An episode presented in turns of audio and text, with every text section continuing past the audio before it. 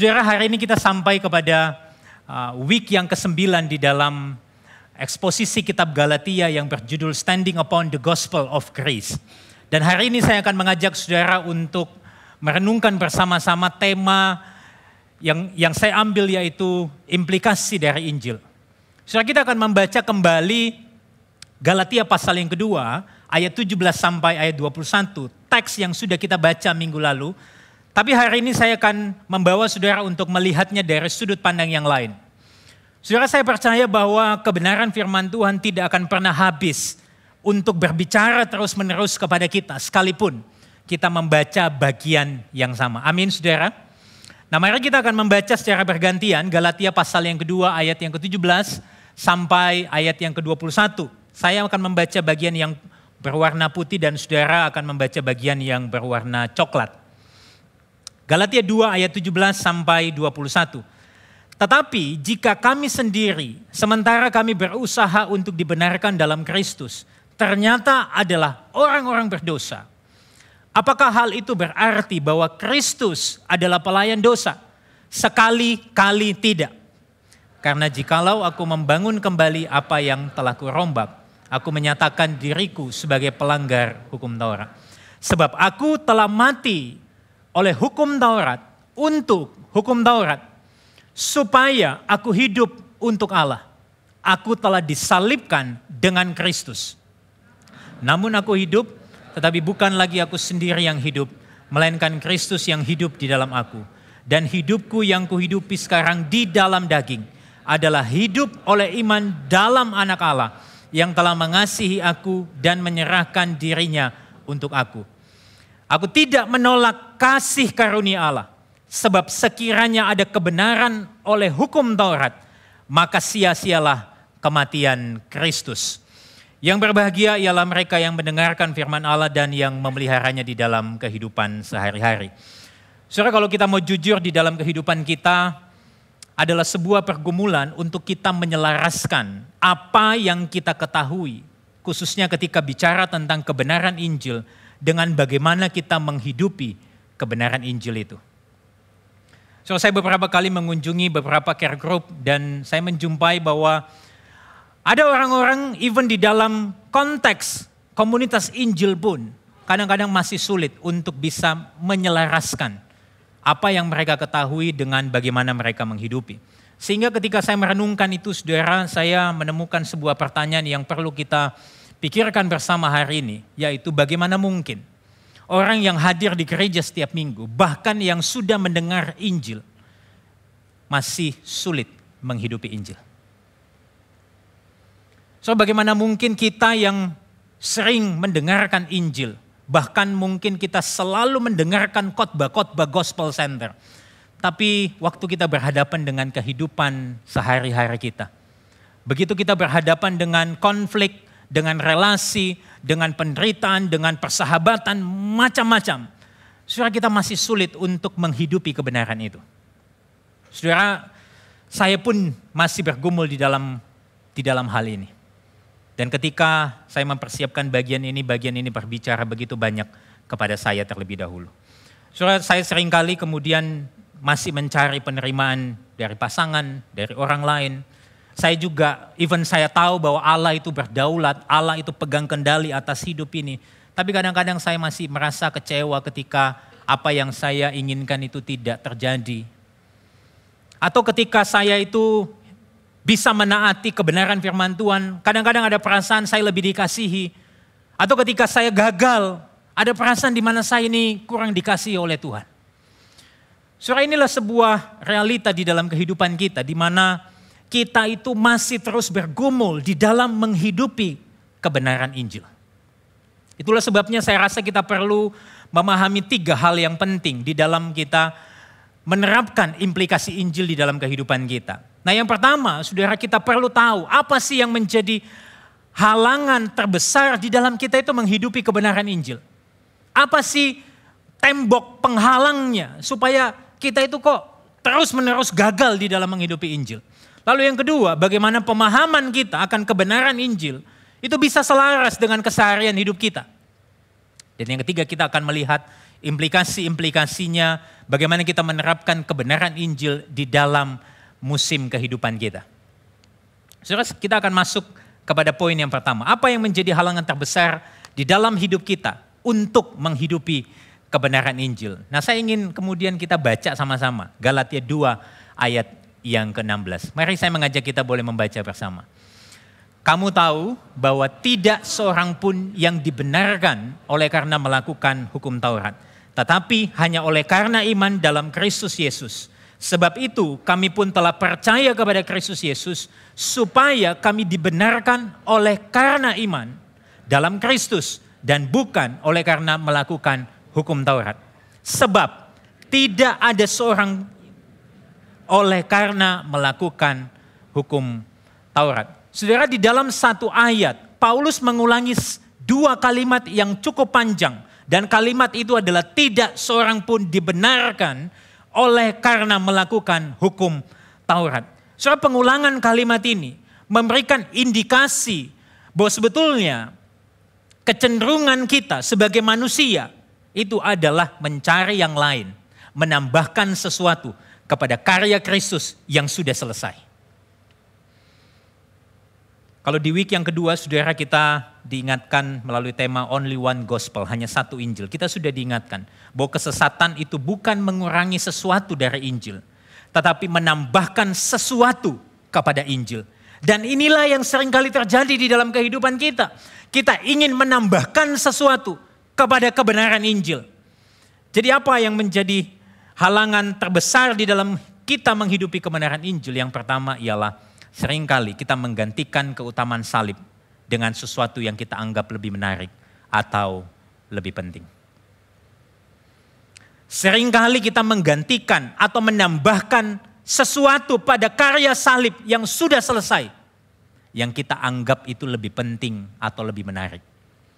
Kadangkala saudara kalau kita mau jujur kita itu nggak bisa untuk sekedar menerima saja. Kita itu pengen melakukan sesuatu kalau kita sudah mendapatkan sesuatu. Jadi acap kali saudara bagi golongan tertentu, bagi sebagian orang merasa kita perlu melakukan sesuatu, melakukan sesuatu. Supaya kita mendapatkan sesuatu dari Tuhan. Atau bagi sebagian orang merasa bahwa ada sesuatu yang penting, misalnya sesuatu yang penting itu adalah kesetaraan sosial. Sehingga itu sesuatu yang selalu diperjuangkan, selalu digemakan dan itu menggantikan keutamaan salib. Atau bagi sebagian orang yang suka pengajaran, merasa doktrin itu penting. Sehingga mereka sangat menekankan doktrin. Dan terkadang kita bisa melupakan bahwa sesungguhnya keutamaan salib itu yang terutama. Atau mungkin sebagian orang merasa bahwa karunia-karunia roh itu penting. Sehingga itu yang ditekankan, itu yang menjadi penekanan utama di dalam kehidupan bergereja. Akhirnya berita salib terlupakan. Seringkali saudara ketika kita menjalani hidup, kita jatuh di dalam kecenderungan ini. Saya nggak mengatakan begini saudara, perbuatan baik itu tidak penting. Penting. Persoalan kesetaraan sosial itu nggak penting. Penting. Saya juga tidak mengatakan bahwa belajar doktrin itu tidak penting. Penting. Saya juga tidak mengatakan bahwa mempraktikkan karunia itu tidak penting. Penting, semua itu baik. Tetapi kalau yang baik itu menjadi yang terutama dan menggantikan berita salib, saudara maka itu menjadi sebuah barrier, tantangan, halangan terbesar di dalam kita menghidupi Injil. Lalu yang kedua, saudara, apa sih yang menjadi halangan terbesar kita di dalam menghidupi Injil oleh karena sering kali kita menganggap bahwa karya Kristus hanya menyelamatkan kita dari dosa masa lalu. Tetapi setelah kita diselamatkan, maka diri kita lah yang memegang kendali penuh atas hidup kita. Sudah sering kali kita berpikir bahwa waktu kita sudah diselamatkan, sudah cukup. Kita menjadi orang baik dan untuk menjalani kehidupan ini, kita menjalaninya dengan melakukan perbuatan baik. Kita sering kali berpikir karya Kristus cukup di atas kayu salib saja. Sehingga tidak jarang kita berpikir, ya Allah memang menyelamatkan, tetapi kita yang meneruskannya. Atau mungkin saudara kita berpikir seperti istilah dari Martin Luther, simul justus et peccator. Kita orang benar dan orang berdosa pada saat yang bersamaan. Kita kita pikir itu di dalam hitungan matematika. Hari ini aku 70% orang baik, 30% orang berdosa. Hari ini aku 50% orang benar, 50% orang berdosa. Sehingga apa? Kita menambahkan sesuatu pada karya Kristus yang sudah selesai. Nah kalau saya boleh gambarkan saudara, di dalam kehidupan keseharian kita sering kali kita itu berpikir Kristus menyelamatkan kita atas kematian dosa, plus kita meneruskan hidup benar di masa sekarang ini, hasilnya kita dapat penerimaan untuk masa yang akan datang. Ini yang sering kali kita pikirkan. Ini yang sering kali kita praktikkan. Padahal yang seharusnya kita kita terapkan di dalam kehidupan kita adalah Kristus menyelamatkan kita atas kematian dosa. Di masa lampau, masa sekarang, sampai masa yang akan datang. Dan penerimaannya yang sempurna bagi hidup kita. Sampai kekekalan nanti. Sebetulnya itulah yang memampukan kita untuk dapat hidup benar di masa sekarang ini. Kita dimampukan oleh Kristus juga hidup benar di masa sekarang ini. Kalau yang sebelumnya saudara, ini bukanlah Injil. Ini Injil yang kita asumsikan menurut diri kita sendiri. Sehingga kita perlu kemudian mengecek pemahaman kita. Saudara, ini menjadi sebuah motivasi sebetulnya yang menggerakkan kita kalau semuanya dikerjakan oleh Kristus, motivasi yang menggerakkan kita bukan lagi diri kita, tetapi sesungguhnya karena Kristus terlebih dahulu mengerjakan semuanya untuk kita. Sehingga memampukan kita untuk bisa hidup benar di dalam dia. Motivasi kita untuk hidup benar bukan supaya cari pengakuan, cari penerimaan. Tetapi karena kita sudah diterima, kita diakui dengan sempurna oleh Allah melalui Kristus sehingga kita nggak perlu cari itu dari orang lain. Surat Tim Keller pernah mengingatkan di dalam sebuah tulisannya dia mengatakan demikian. Kalau saya taat, Tuhan akan mengasihi dan menerima saya. Bukankah ini yang sering kali uh, secara sadar dan tidak kita itu hidupi bagian ini. Tetapi dia katakan Injil adalah kebalikan dari hal ini. Jika saya tahu dalam hati saya bahwa saya telah bahwa Allah telah menerima saya dan mengasihi saya dengan sempurna oleh kasih karunia-Nya, maka saya dapat hidup dalam ketaatan dengan sukacita dan ucapan syukur. Agama berusaha mengubah apa yang di luar ke dalam, tetapi Injil mengubah apa yang dari dalam keluar. Surah sesungguhnya kita tidak perlu menambahkan sesuatu pada karya salib.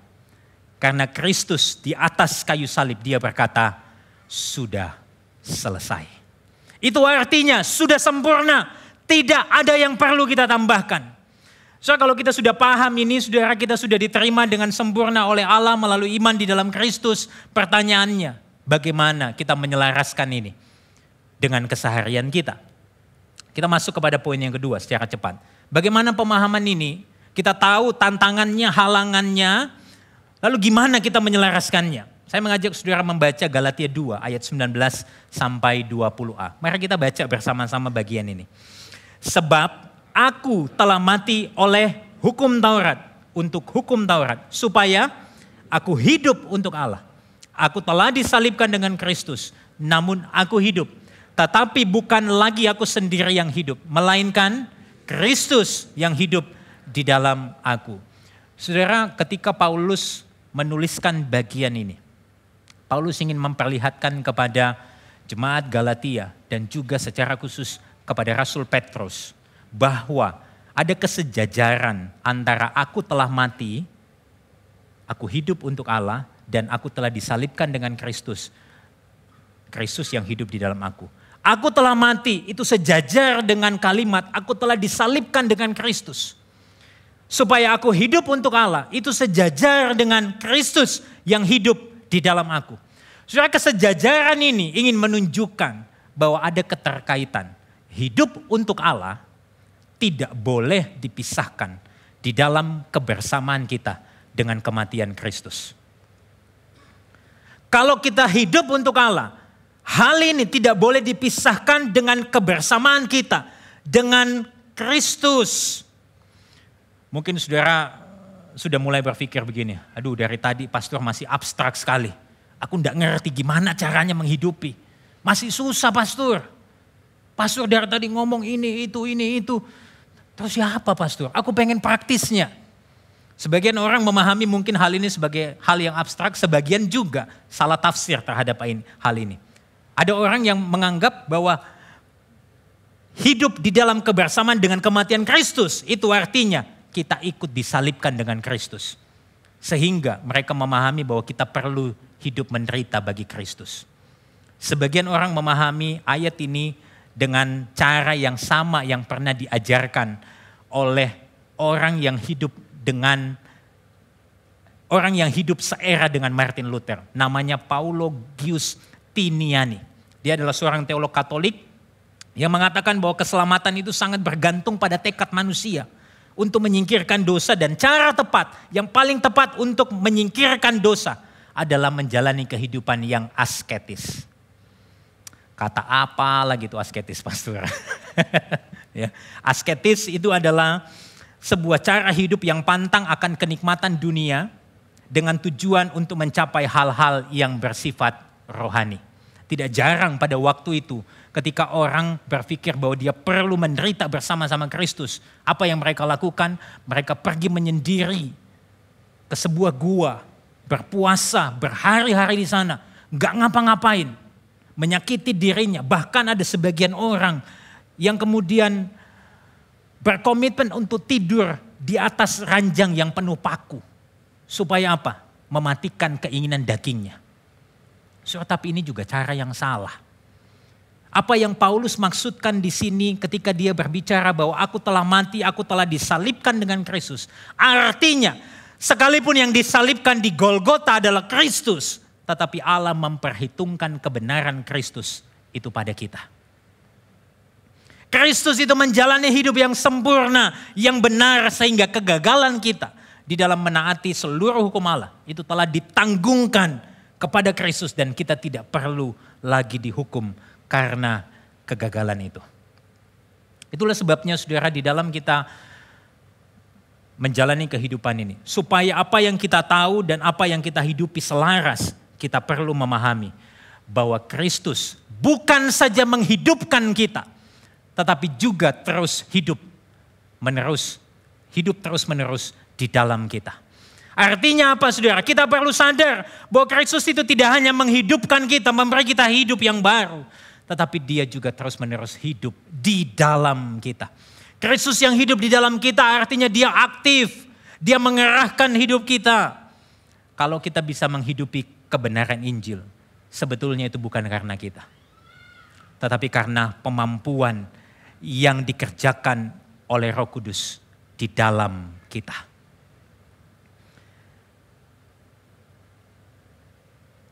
Itulah sebabnya saudara, sebetulnya kehidupan kekristenan itu bukan tentang hidup untuk Kristus saja. Melainkan mempercayai Kristus hidup di dalam dan melalui kita. Acap kali kita masih berpikir setelah kita diselamatkan apa yang bisa kita lakukan buat Tuhan. Kita harus ganti pola pikir itu. Bahwa sesungguhnya kalau kita bisa hidup untuk Tuhan, itu karena Kristus yang hidup di dalam hidup kita dan memampukan kita terus menerus.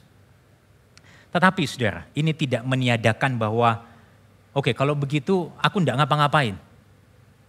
Ini tidak meniadakan kebebasan kita. Coba saudara kita kembali dalam ayat 19 dan 20a. Di sana dikatakan demikian.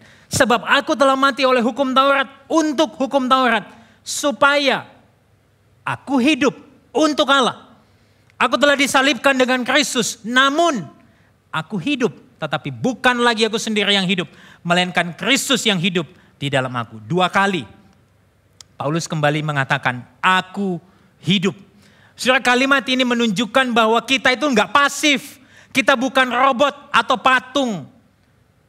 Atau keselamatan yang ada di dalam Kristus itu juga bukan jenis perbudakan yang baru. Kita tidak dibebaskan dari perbudakan dosa untuk masuk ke dalam jenis perbudakan yang baru.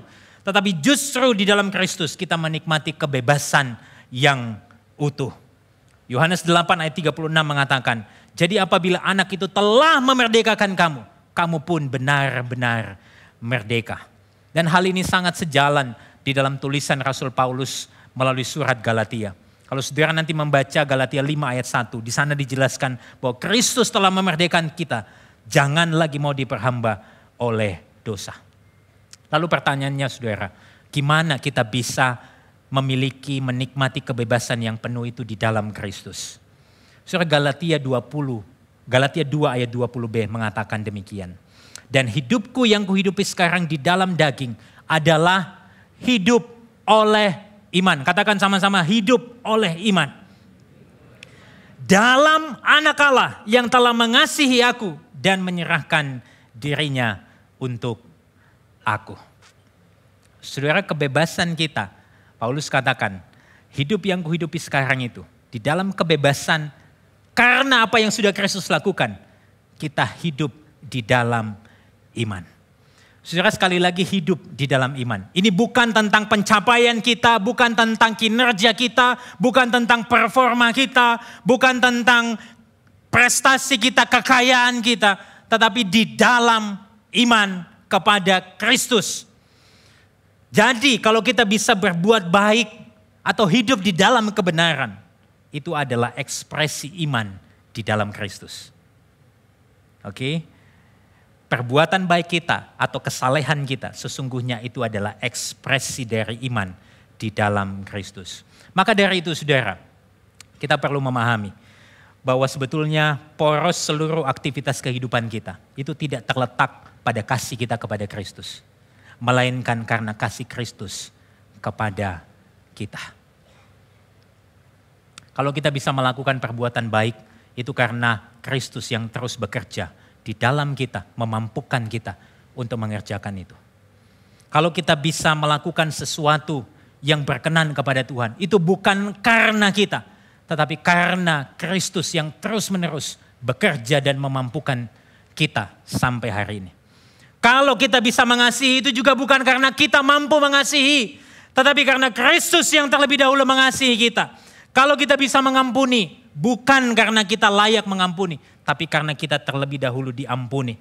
Kalau kita bisa memberi, bukan karena kita mampu memberi. Tetapi karena Kristus terlebih dahulu memberi. Supaya kita dimampukan untuk memberi. Kalau kita bisa menaati kebenaran firman Tuhan. Bukan untuk mendapatkan sesuatu. Tetapi karena kita sudah menerima yang sempurna sehingga hidup kita kita pakai untuk menyenangkan dia. Jadi di sini saudara, kita menemukan bahwa kasih Kristuslah yang diberikan kepada kita yang seharusnya itu menjadi motif utama penggerak yang lebih kuat untuk kita hidup di dalam ketaatan kepada Allah. Saudara lalu bagaimana di dalam keseharian kita? Oke, mungkin Anda berkata, oke aku udah tahu pastor halangannya apa, Gimana caranya nyelarasinnya bahwa aku perlu mengingatkan diri bahwa ini bukan tentang saya, tetapi tentang Kristus yang hidup. Ini bukan tentang bagaimana saya melakukan sesuatu, tetapi mempercayai Kristus. Lalu apa aplikasinya? Apa implikasinya? Saudara saya ingin mengajak saudara membaca. Kita masuk kepada poin yang ketiga dan kita membaca Galatia 2 ayat 17. Ini dari, dari terjemahan BIMK. Kita baca bersama-sama bagian ini. Kami berusaha berbaik kembali dengan Allah melalui hidup bersatu dengan Kristus. Tetapi kalau sesudah melakukan yang demikian, ternyata kami masih orang-orang berdosa, juga seperti orang-orang bukan Yahudi. Apakah ini berarti bahwa Kristuslah yang menyebabkan kami berdosa? Tentu saja tidak. Secara sederhana, saudara, ayat ini ingin mengatakan kita yang ada di dalam Kristus, waktu kita melakukan dosa, bukan berarti Kristuslah yang menyebabkan kita berdosa. Paulus dengan jelas mengatakan tentu saja tidak. Tetapi waktu kita berdosa, itu karena kecenderungan hati kita yang kacau, kecenderungan hati kita yang salah arah. Saudara, saya kasih ilustrasi sederhana. Seperti yang Pastor Mike uh, ceritakan di minggu yang lalu tentang ilustrasi sabun yang licin itu saudara. Ya, kalau ini uh, saya pengen cerita kepada saudara bahwa uh, saya ini punya kecenderungan tangan kaki itu suka basah. Ya, mungkin beberapa dari saudara juga ngalamin itu. Jadi apalagi kalau khotbah seperti ini. ya makanya saya selalu bawa sapu tangan. Ya, pasti basah.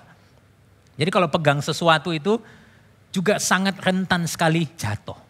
Bukan karena sesuatu itu licin, tetapi karena saya punya kecenderungan tangan basah itu. Saudara, waktu kita berdosa, bukan karena kita tidak tahu kebenaran, tapi karena hati kita ini loh yang salah. Hati kita ini yang kacau. Dan hal ini saudara menunjukkan bahwa sebetulnya kita ini nggak berdaya di luar Kristus. Di saat yang sama, kalau kita sudah dibenarkan dan diterima di dalam Kristus, kita dimampukan untuk menjalani hidup di dalam kebenarannya. Saudara, saya ingin mengulang apa yang dikatakan oleh uh, Martin Luther bahwa status kita setelah dibenarkan itu adalah orang benar dan orang berdosa pada saat yang bersamaan. Simul justus et peccator. Saudara kita ini orang benar tetapi kita mungkin masih bergumul dan jatuh di dalam dosa. Tetapi kejatuhan kita di dalam dosa itu bukan pembenaran untuk hidup terus-menerus di dalam dosa. Melainkan karena kebenaran Kristus itu memampukan kita kembali untuk hidup dalam kebenaran. Amin saudara. Saya kasih contoh praktis beberapa supaya saudara bisa lebih uh, aplikatif terhadap hal ini. Kita itu orang benar, tapi pada saat yang bersamaan orang berdosa. Apa maksudnya pastor? Masih susah juga. Kita lihat beberapa contoh praktis. Oke, kita bicara tentang citra diri misalnya. Penerimaan diri, self image Saudara, kalau kita ambil contoh di dalam pekerjaan misalnya, di dalam karir kita. Seandainya kita berhasil, kita bisa produktif, kita bisa melakukan sesuatu yang membuat bos kita berkata, Ciami kon, kamu ini manajer yang baik. Saudara bisa saja di dalam satu ekstrim kita itu bisa percaya diri, tapi kita bisa jadi sombong. Tapi pada sisi yang lain, kalau mungkin saudara ketika dipercayakan sebuah proyek, sebuah pekerjaan, lalu proyek yang saudara pegang itu tidak berhasil, malah rugi. Saudara bisa aja kemudian merendah. Tapi saudara merendah di atas fondasi minder. Tidak percaya diri, nggak pede. Lalu akhirnya saudara bilang ini, wes lah aku memang tidak cocok kerja di situ, aku tak pindahai kerja yang lain. Begitu masuk ke kerjaan yang baru, Saudara gagal lagi, saudara bilang, wes lah, aku memang tidak bisa kerja. Aku di rumah Makan tidur, makan tidur. Udah, wes, tinggal tunggu dipanggil Tuhan pulang. Serius, kadang-kadang ada orang yang berpikir ketika mereka gagal, mereka berpikir aku pengen mati aja. Saudara ini adalah kecenderungan kita. Tetapi bagaimana kalau kita melihat di dalam kacamata Injil? Saudara kata kacamata Injil menolong kita melihat kita itu orang berdosa dan orang benar pada saat yang bersamaan. Waktu kita sukses, kita berhasil, kita bisa sadar kalau itu semua karena berkat Tuhan. Amsal 10 ayat 22 mengatakan demikian. Berkat Tuhanlah yang menjadikan kaya. Susah payahmu tidak akan menambahinya. Soalnya kalau kita sadar itu semua, kita sukses karena anugerah Tuhan. Kita nggak akan jadi sombong. Kita bisa tetap rendah hati. Tapi waktu kita gagal, kita juga nggak jadi minder. Karena kita sadar identitas kita, keberhargaan kita tidak terletak kepada keberhasilan atau kegagalan kita. Tetapi pada apa yang sudah Kristus lakukan. Kita juga tidak jadi malas. Tapi kita tetap peduli dengan kinerja kita tanpa kita memberhalakan pekerjaan itu sendiri. Saudara inilah kacamata Injil. Lalu bagaimana dengan hal yang lain? Misalnya kalau kita bicara tentang penderitaan. Seringkali saudara kalau mau jujur, kita itu suka berpikir begini. Aku itu sudah berbuat banyak buat Tuhan. Oke? Okay? Harusnya aku itu imun terhadap sakit penyakit. Ataupun kalau aku kena penyakit, harusnya ada mujizat yang terjadi di dalam hidupku. Kalau tidak terjadi, sering kali ekstrem yang kanan menjadi marah sama Tuhan. Kecewa sama Tuhan. Lalu bilang Tuhan gak adil, Tuhan itu jauh. Tuhan itu nggak peduli sama aku. Marah-marah sama Tuhan. Tapi ekstrem yang lain saudara ketika dia berusaha hidup baik, dia sudah melayani Tuhan. Lalu ketika dia berhadapkan dengan penderitaan, dia kemudian mempersalahkan dirinya. Duh, jangan-jangan ada yang ada yang belum selesai nih dengan Tuhan. Masih ada dosa yang kusimpan. Apa ya dia ingat-ingat, ingat-ingat. Tapi kayaknya enggak ada. Eh ada nemu, aku belum perpuluhan dua bulan yang lalu. Ya wes lah, tak bayar Tuhan perpuluhanku. Tapi setelah bayar, tapi kok masih hidup di dalam penderitaan lalu mulai, apalagi ya, apalagi. Dosa apalagi.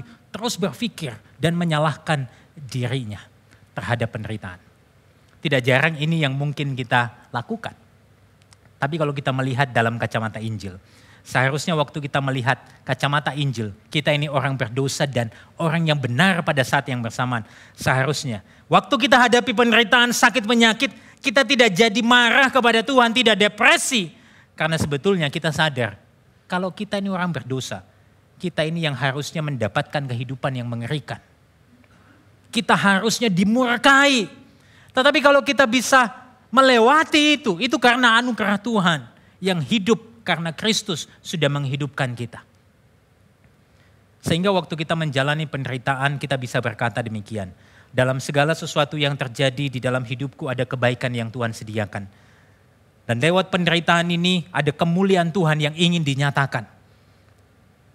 Dan di atas semuanya itu aku tahu bahwa Kristus sudah menjamin hidupku sampai kekekalan. So waktu kita melihat kehidupan kita dengan kacamata Injil, kita melihat dengan cara pandang yang baru. Contoh yang lain saudara, bicara tentang konflik. Ini saya akan kasih contoh beberapa kepada saudara supaya pemahaman ini bisa relate kepada saudara. Waktu konflik, misalnya ketika ada member CG saudara atau rekan pelayan saudara itu yang berasumsi negatif kepada saudara.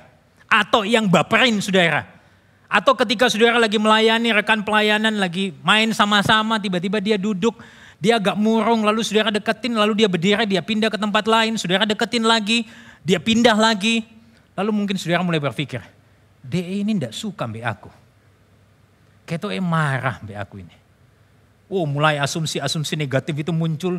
Lalu waktu saudara deketin lagi, saudara langsung laprak dia. Eh bro, kok tidak suka mbak aku ya? Ayo bicara baik-baik. Berantem tadi luar sana. Kalau kamu tidak suka sama tingkahku, caraku bicara, terus mau apa? Diajak berantem saudara. Kadang-kadang kita punya kecenderungan itu. Mungkin mungkin aja orang yang yang lagi tidak pengen ngobrol itu nggak bergumul tentang saudara. Dia mungkin bergumul dengan kehidupannya. Tapi saudara tidak terima. Wow, asumsi-asumsi saudara terus bermain di sana. Tapi ekstrem yang lain, saudara, Waktu saudara mengalami itu, lalu saudara bilang, iya memang dia nggak suka sih sama aku. Bisa aku tak pindah lah, mojok di sana. Atau aku nongkrong di kamar mandi tak kunci. Nanti begitu dipanggil sama Sunday Service Manager baru aku tak keluar lagi. Menarik diri, lalu dia nyimpan dendam. Lama-lama hilang dari gereja. Biasanya begitu saudara. Tapi kalau kita melihat itu dalam kacamata Injil, kalau betul memang ada orang melukai saudara, saudara bisa memaafkan karena saudara juga menyadari bahwa saudara nggak lebih benar dari dia. Kita ini sama-sama berdosa dan kita bisa melakukan hal yang sama juga. Tetapi pada saat yang sama, ketika kita berhadapan dengan seseorang di dalam konflik itu, kita bisa berkonfrontasi, tapi kita tidak marah. Karena ada roh kudus yang mengendalikan hidup kita. Saudara inilah tension yang terjadi. Dan yang terakhir, contoh yang terakhir, bicara tentang cinta. Sengaja memang saya simpan di bagian terakhir supaya saudara endingnya wow cinta ya endingnya nggak penderitaan saudara ya tentang cinta. Saudara saya kasih contoh di dalam konteks relasi orang tua anak deh ya. Tadi pagi saya ngomongin tentang jomblo. Nah ini karena lebih banyak yang Eh, keluarga, saya kasih contoh yang keluarga deh ya. Contohnya saudara, tidak jarang saudara di ekstrem yang kanan, saya menjumpai ada orang tua yang mengatasnamakan cinta kepada anaknya. Dengan berupaya memberikan yang terbaik, pendidikan yang paling bagus, disekolahkan ke luar negeri dan sebagainya. Sehingga orang tuanya itu sampai kerja mati-matian supaya semua itu terwujud. Tapi kalau ditanya anaknya, mungkin anaknya bilang begini, ya sebetulnya aku enggak pengen-pengen amat sih. Yang penting itu sama keluargaku aja. Dia nggak pengen keluar negeri, tapi ternyata kalau ditelusuri ternyata Banyak orang tua yang mengatasnamakan cinta, memanfaatkan anaknya demi memuaskan kepentingan dirinya atau mewujudkan mimpinya yang gak pernah terwujud. Kalau mau jujur saudara, kadang-kadang kita ini bisa jatuh ke sana. Tapi kita mengatasnamakan, papa ini kerja keras buat kamu. Supaya kamu bisa sekolah baik-baik. Tanya anaknya, kamu mau sekolah ke sana enggak? Enggak. Aku wis sekolah di sini aja cukup kok. Lihat saudara. Tapi ekstrem yang lain. Ada orang tua yang rela melakukan apa pun untuk anaknya. Memenuhi seluruh permintaan anaknya. Apa pun itu dia mau pindah sekolah dituruti. Dia mau ini dituruti dengan dalil yang penting. Anaknya senang. Tapi pada sisi yang lain dia tidak memberikan didikan kepada anaknya. Ini adalah bentuk kasih tanpa kebenaran yang ujungnya juga mencari penerimaan diri dari anak itu. Mengatasnamakan cinta, tapi kita bisa jatuh di dalam dua ekstrem itu. Bagaimana dengan kacamata Injil? Surah Injil memberikan kita keseimbangan antara kasih dan kebenaran. Injil menuntun seseorang untuk dapat mencintai dengan kesungguhan hati, tanpa memaksa, tanpa cari penerimaan dari orang lain. Tapi pada saat yang sama, Injil juga mengajarkan kita untuk menegur kesalahan atau kebebalan seseorang karena bentuk cinta kita tanpa kita takut ditolak. Inilah kacamata Injil, saudara. So, semua contoh-contoh ini ingin saya sampaikan kepada saudara supaya saudara bisa tahu bagaimana Injil itu menjadi hidup dan memberi jawab atas setiap aspek hidup kita. Saya sering sekali dengar saudara bilang begini, wes khotbah di Gibeon itu ngomongin Injil aja terus, Injil aja terus. Aku pengen nasihat. Saudara, Injil bukan nasihat. Injil bukan juga tentang aturan A, B, dan seterusnya.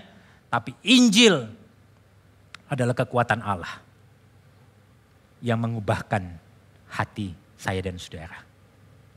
Saudara mungkin saudara boleh capture semua contoh-contoh tadi. Tapi kalau saudara tidak pernah mengalami kebenaran Injil. Semua itu akan jadi pengetahuan saja dan yang tidak menggerakkan hidup saudara. Jadi pertanyaan yang penting yang perlu kita pikirkan di dalam bagian ini. Siapa? Apa yang memampukan kita untuk menghidupi kebenaran ini? Dan di sinilah kebenaran Injilnya saudara. Mari kita membaca Galatia 2 ayat 21. Galatia 2 ayat 21. Kita membaca bersama-sama. Satu, dua, tiga. Aku tidak menolak kasih karunia Allah. Sebab sekiranya ada kebenaran oleh hukum Taurat, maka sia-sialah kematian Kristus. Saudara, kasih karunia, sola gracia. Kasih karunia tidak mengubah apa yang terlihat di luar atau apa yang hanya ada di permukaan. Matt Chandler, saudara, di dalam sebuah bukunya dia mengatakan, kasih karunia adalah pengubah hati. Karena dari hatilah muncul segala macam perilaku. Kasih karunia itu mengubah hati kita terlebih dahulu. Kasih karunia itulah yang memperbaharui hati kita untuk melihat dengan kacamata yang baru. Surah sekali lagi, Injil itu bukan nasihat praktis. Injil itu bukan tentang aturan hidup. Injil adalah kekuatan Allah yang mengubahkan hati kita. Sehingga dari hati yang sudah diubahkan, itu keluar pikiran, perkataan, perbuatan yang menunjukkan keindahan daripada Kristus. Surah dan hal ini nampak jelas sekali di dalam kehidupan Rasul Paulus. Kalau kita membaca kembali Galatia 1 ayat 1 sampai 5. Di sana Rasul Paulus mengatakan demikian. Dari Paulus seorang rasul bukan karena manusia, juga bukan oleh seorang manusia, melainkan oleh Yesus Kristus dan Allah, Bapa yang membangkitkan dia dari antara orang mati. Dan dari semua saudara yang ada bersama-sama dengan aku kepada jemaat-jemaat di Galatia. Saudara lihat ayat yang ketiga.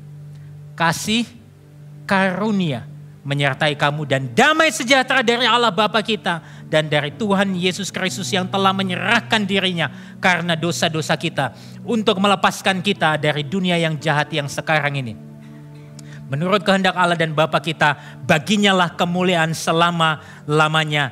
Amin. Surah kehidupan Rasul Paulus memperlihatkan kehidupan yang diubahkan dari dalam keluar. Dan yang melakukan itu semua bukan karena performanya Paulus, bukan karena kualifikasi Rasul Paulus. Yang melakukan semua itu jelas sekali dikatakan oleh Yesus Kristus. Dari Tuhan Yesus Kristus yang telah menyerahkan dirinya sebagai ganti dosa-dosa kita. Saudara ini adalah substitusi di mana Yesus tidak hanya menerima hukuman dosa, tapi Yesus menjadi dosa dan kita menjadi benar. Sesungguhnya Injil bukan sekedar Allah mengampuni dosa kita, melainkan Allah menjadi dosa sehingga kita menerima kebenaran Allah. Saudara Kristus, dialah sang pemilik kehidupan, dia harus mengalami kematian di atas salib supaya kita yang seharusnya mati ini karena dosa dapat menerima hidup yang kekal. Karena Kristus, dia adalah sang kebenaran yang tidak mengenal dosa. Jadi dosa. Supaya kita yang sering kali merasa diri benar ini dapat menerima kebenaran sejati Allah. Kristus, dia sang hakim yang adil, yang harusnya mengal yang harusnya adil, mengalami ketidakadilan. Bahkan dia difonis bersalah. Supaya kita ini yang bersalah dan harusnya dihukum, dapat hidup dalam kebebasan bagi kemuliaan Tuhan. Kristus, sang pemberi kasih karunia, rela mengalami penolakan terbesar di atas salib supaya kita yang seharusnya tertolak ini mendapatkan penerimaan dan pendampingan kekal Allah. So kalau bukan karena kasih karunia, kita adalah orang-orang yang harusnya dimurkai, yang mati. Tapi karena kasih karunia di dalam Kristus, saudara dihidupkan dan hidup yang saudara jalani sekarang bukan lagi hidup untuk diri saudara, tapi hidup di dalam Kristus yang memampukan saudara untuk hidup semakin serupa dengan Kristus. Amin saudara. Lalu untuk apa semua Kristus melakukan ini? Supaya kita yang bersalah ini menerima kasih karunia dan dimampukan untuk hidup di dalam ucapan syukur. Ucapan syukur itu mengalir karena kesadaran bahwa kita ini yang bersalah, yang harusnya dihukum tapi menerima kasih karunia. Ucapan syukur itu mengalir karena kita sudah mendengar dan mengalami Injil.